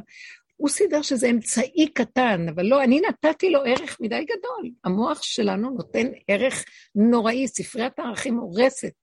לסגור אותה ואין ערך כזה או אחר לכלום. מהגוף מתחיל להיות משהו אחר. אם יש ערך הרגע לדבר הזה, אז הוא בא יחד עם כיכרו בידו, וזהו. אין צורך בכלל לסדר לו אה, חשבונאות כזאת או אחרת, ואני מנהל אותו, כי זה המוח המסורס חושב שהוא מנהל. העובדה שהוא מסדר לו מדרגות, סימן שהוא מסורס, כי זה צריך להיות השתוות לצורה. שכל אמיתי הוא לא, אין לו למעלה, למטה, נמוך לא נכון, נכון לא נכון. זה הרגע ונגמר, הרגע ונגמר. אז זה שכל אלוקי. ואילו המוח משחק אותה כאילו אלוקות, מסדר לו ספריות ומדרגות, והוא רץ לפי המדרגות, ותמיד הוא בלחץ ומתח שמא לא יסתדר לו, ואז הוא מצדיק וכועס ורב, וזה הכאבים הקשים של החיים. המוח הזה של תודעת עץ הדת חייב ליפול, וזה הסוף שלו. זה סוף התרבות, סוף, הת... סוף הדורות. הנה השמיים החדשים אשר אני בורא, הארץ החדשה אשר אני עושה, כי השמיים כעשן נמלחו והארץ כבגד תבלה. כל זה הולך ליפול, והשם הולך להביא תודעה חדשה. זה לא יהיה שהשמיים יפלו, התודעה נקראת שמיים. והמידות שהתודעה משפיעה עליהן נקראת ארץ, זה וזה של עץ הדת הולך ליפול. שזה המידות, השכל משפיע עליהם. כשהשכל מסתכל על המידה, הוא שודד אותה. זה מאוד קשה. זה השבע סוגי תרבויות שהיו בעולם שהם כנגד 70 אומות העולם. הפריזי, היבוסי, האמורי, הגרגשי, החיבי, העמלקי והכנעני, הם, המוח, לכל אחד היה משגע אותו בתכונה אחרת. כלומר, הבלוטות האנדוקריניות משפיעות עליהם. בלוטות האדרנל, בלוטת הפנקריאס, כן, יש עוד בלוטת הכליה, יותר את הכליה, משפיעות, התיירואיד, משפיעות על המציאות של ההתנהגות של האדם, ואז האדם נהיה שודד, כי האדרנלין יסדר אותו כלוחמני, ובלוטת הפנקריאס תעשה אותו חרדן ופחדן, לא יודעת מה.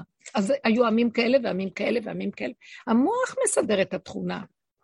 אומנם לתכונה יש איזו נקודה בעיקרון, בעיקרון שלה, אבל היא מאוד קטנה, כשהמוח הגדול יושב עליה, הוא פשוט מחנך אותה להיות שודד. אנחנו אומרים שלמשל, ביהדות, בגמרא כתוב, שאדם שנולד תחת השפעת מאדים, הוא ירצה לשפוך דמים. אז כדאי שהוא יהיה מוהל או שוחט, בעוד שאם זה יהיה מאומות העולם, אז הוא יושב על החרב שלו וישחוט איזה משהו. אז לכן היהדות אומרת, הכולי עלמא, יש כאן תכונה, רק בואו ננתב, ננתב אותה לפי דעת יותר מעודנת ונכונה. זאת אומרת שהדעת יוצרת, מסדרת את התכונה, ולא שהמידות רוצ, רצות להם לבד. וזה יפה לראות את זה, ולכן אנחנו, כל העיקרון של כל העבודה בכל הדורות וכל עבודת התיקון של העולם היהודי זה להחליש את המוח הזה ולהכניס אותו לערכים של התורה. חוקים וצמצום. וגם בתוך זה יש דרגה עוד יותר גדולה, אז מרדכי היה מחוץ לארמון של אחשוורות, שהוא כן עשה עבודה של צמצום, ואסתר נכנסה למחוץ את הראש של העמלק עד הסוף. נכנסה בחושך היותר גדול, ומחתה גם את זה, עד שנשאר הכל ילד קטן, טהור, תמים, ואין בו שום דבר. זה כל העבודה העיקרית, והעבודה הזאת מביאה אותנו, עבודת הנוקבה, היא מביאה אותנו לשחרר את המקום עד הסוף, שאנחנו מעדיפים להישאר קטנים ופשוטים, שמחים, אבל אנחנו כבר, הפנים שלנו לדרגת האמונה ברמה אחרת לגמרי, של גבוליות שמנהל אותה בורא עולם. שהגבוליות זה התורה בעצם. הגבוליות זה האמת, זאת התורה, תורת אמת. תדעו לכם, הלוחות הראשונים, הם היו רק הלוחות, לא היה צריך את כל הספרים. והם היו עשרת הדיברות בלבד. אם היינו רק, אה, לא היינו חוטאים בעגל, אז הלוחות בעצמם, חרוט על הלוחות בבשר של האדם, היינו יודעים מה אנחנו צריכים לעשות הכל. תורה שבעל פה היא האדם ברוח הקודש הפנימית שלו היה יודע הכל, לא היה צריך ספרים ולא... מאחר והתורה הזאת נשברה, הלוחות האלה נשברו, ונהיה התורה שבעל פה, שבכתב, אז כבר הכל נראה אחרת לגמרי, זה דרך השכל הכל. זה עובד דרך השכל, והשכל אה, הוא סכנה. אז לכן החכמים הזקנים והחכמים וצד הזכר שלטו, ולא נתנו לנוקבה, לרגש, ולה... כי הם היו חייבים לסדר את זה בצורה מאוד מצומצמת ומדויקת של השכל הנכון, כדי שלא יבוא לידי ביטוי כל השקר והרוע של העולם. אבל גם שם, לקראת הסוף יבוא משיח ויזיז את החכמים. המשיח לא מגיע מיסוד החוכמה, המשיח מגיע מהכתר, מהגולם, מהפתי. שומר פתאים השם, הוא לא יודע, הוא תכלית הידיעה שלא ידע, הוא, הוא, הוא לא יודע אמיתי, זה לא לא יודע, זה לא, זה גולם חכם, הוא, הוא בוחר לא לדעת, והוא מגיע למקום שהוא לא יודע. ושם השם מתגלה אליו באור חדש. זה סוג אחר של בן אדם, הוא אמיתי הוא כל כך יודע שהוא כמו הדרך הזאת, אבל בתכלית של התכלית, זה מאוד דרגות יותר עמוקות, שאין שקר, אין כלום. ללא כחל וסרק, הוא יודע את כל המציאות של האמת. ברוח הפיו ימית רשע, הוא מסתכל על בן אדם, הוא יודע את השקר שלו על המקום. הוא קולט את השקר של האדם. קולט את הגאווה בניואנסים דקים. והוא לא עושה שהוא ממית אותו, המציאות של האמת שלו גורמת לשני למות, לבד. נכון. זה קשה מאוד. לעמוד ליד כאלה מאוד מאוד קשה. כן, זה היה תקופה שאי אפשר היה לעמוד ליד רב אושר. נשים לא יכלו לסבול אותו, כי זה גם לא, זה לא, זה לא אור שמסביר. הוא לא מסביר, אין שכל לדבר שם. זה חותך, שובר, נגמר. הוא לא מכיל את זה, גבולי. זה אור שמכיל הכל ואור שלא מכיל כלום. זה קשה להסביר את האור הזה. אז אדם שהוא לא יושב בנקודה המדויקת, זה הרס, חורבן. מסוכן, מסוכן מאוד. אל תבקשו משיח, רב אושר אומר, תגידו, תבקשו את הגאולה. לכן אנחנו עובדים על משיח הפרט. כי משיח הפרט, הוא יביא אותנו להכיר את הסכנה של עצמנו, ולהפסיק לחפש בחוץ את הדבר. ואז ככה אנחנו מתחברים בהכנעה לאור של האמת, מתוך הכרת הקטנות והאמת של עצמנו, כאן ועכשיו. וזה הכנה הכי גדולה למשיח, שלא מפרק לנו את העצמות. גם זה לא משנה לנו כבר, אני ראיתי את זה, זה כבר לא משנה, כי אני ישר, בתקופה שהיה לי כזה חיבור עם כזאת מציאות של אור, מסוג של אדם ש... אני הגעתי למסקנה שאמרתי, אני לא מכילה את המקום הזה, השם תשמור עליי. אני לא מכילה את זה, תרחם עליי. אני, אני, אני מודה ומתוודה שאני נכנעת בעצמי יותר טוב לי מהנקודה שלי, מה שזה מבחוץ יבוא. תדעו לכם שצריך, בגלל זה החכמים גם מבינים את זה, ומתנגדים למשיח, חכמי התורה, כי הם רוצים שהעם יהיה מוכן יותר. כי זה מאוד מסוכן האור הזה. אלה שעושים את העבודה עוזרים הרבה בעולם, תדעו לכם, זו מאוד מאוד עבודה ערכית שהיא, זה שאת יוצאת ברגע הזה ואת לא... ויש נקודה שגם חוזרת ושותקת ולא מתווכחת וצורחת, זה מקום שמאפשר לגילוי, מבינה? כן, מאוד טוב, השם איתנו. אבל זה, ראיתי, ראיתי איזה דקות שהאור הזה דורש בהודעה של האמת, ואנחנו מלאי שקרים. אז uh, לא ישאיר מקום לבן אדם, זה מאוד צריך להיזהר. אנחנו תרבות מאוד מאוד מאוד שקרית, מאוד מאוד מאוד. אז מה שנשאר זה להישאר כאן ועכשיו, בצמצום, ולשמוח וליהנות. בלי, לא, כי לא הילכתי בגדולות ובנפלאות ממני. דוד המלך שהיה לו הרבה שכל, הוא היה מחכמי הסנהדרין, והיה אדם, אבל בטבע שלו הוא הסכים לקטנות שלו, כן? הוא חזר אחרי כל... בטבעו היה קטן ונמוך. אבל האור של השם גידל אותו ונתן לו להיות חכם בתורה והכל והכל. ואחר כך הוא חזר למקום הקטן שלו. והוא אמר, כי לא הילכתי בגדולות ובנפלאות ממני, חטאתי נגדי תמיד, אני מוריד ראש, ואני אומר, אבא, זה רק אתה, אני לא יכול לסמוך על עצמי. כן, הוא הסכים לחזור למקום של הקטנות, ואז השם אמר לו, אתה משיח צדקי.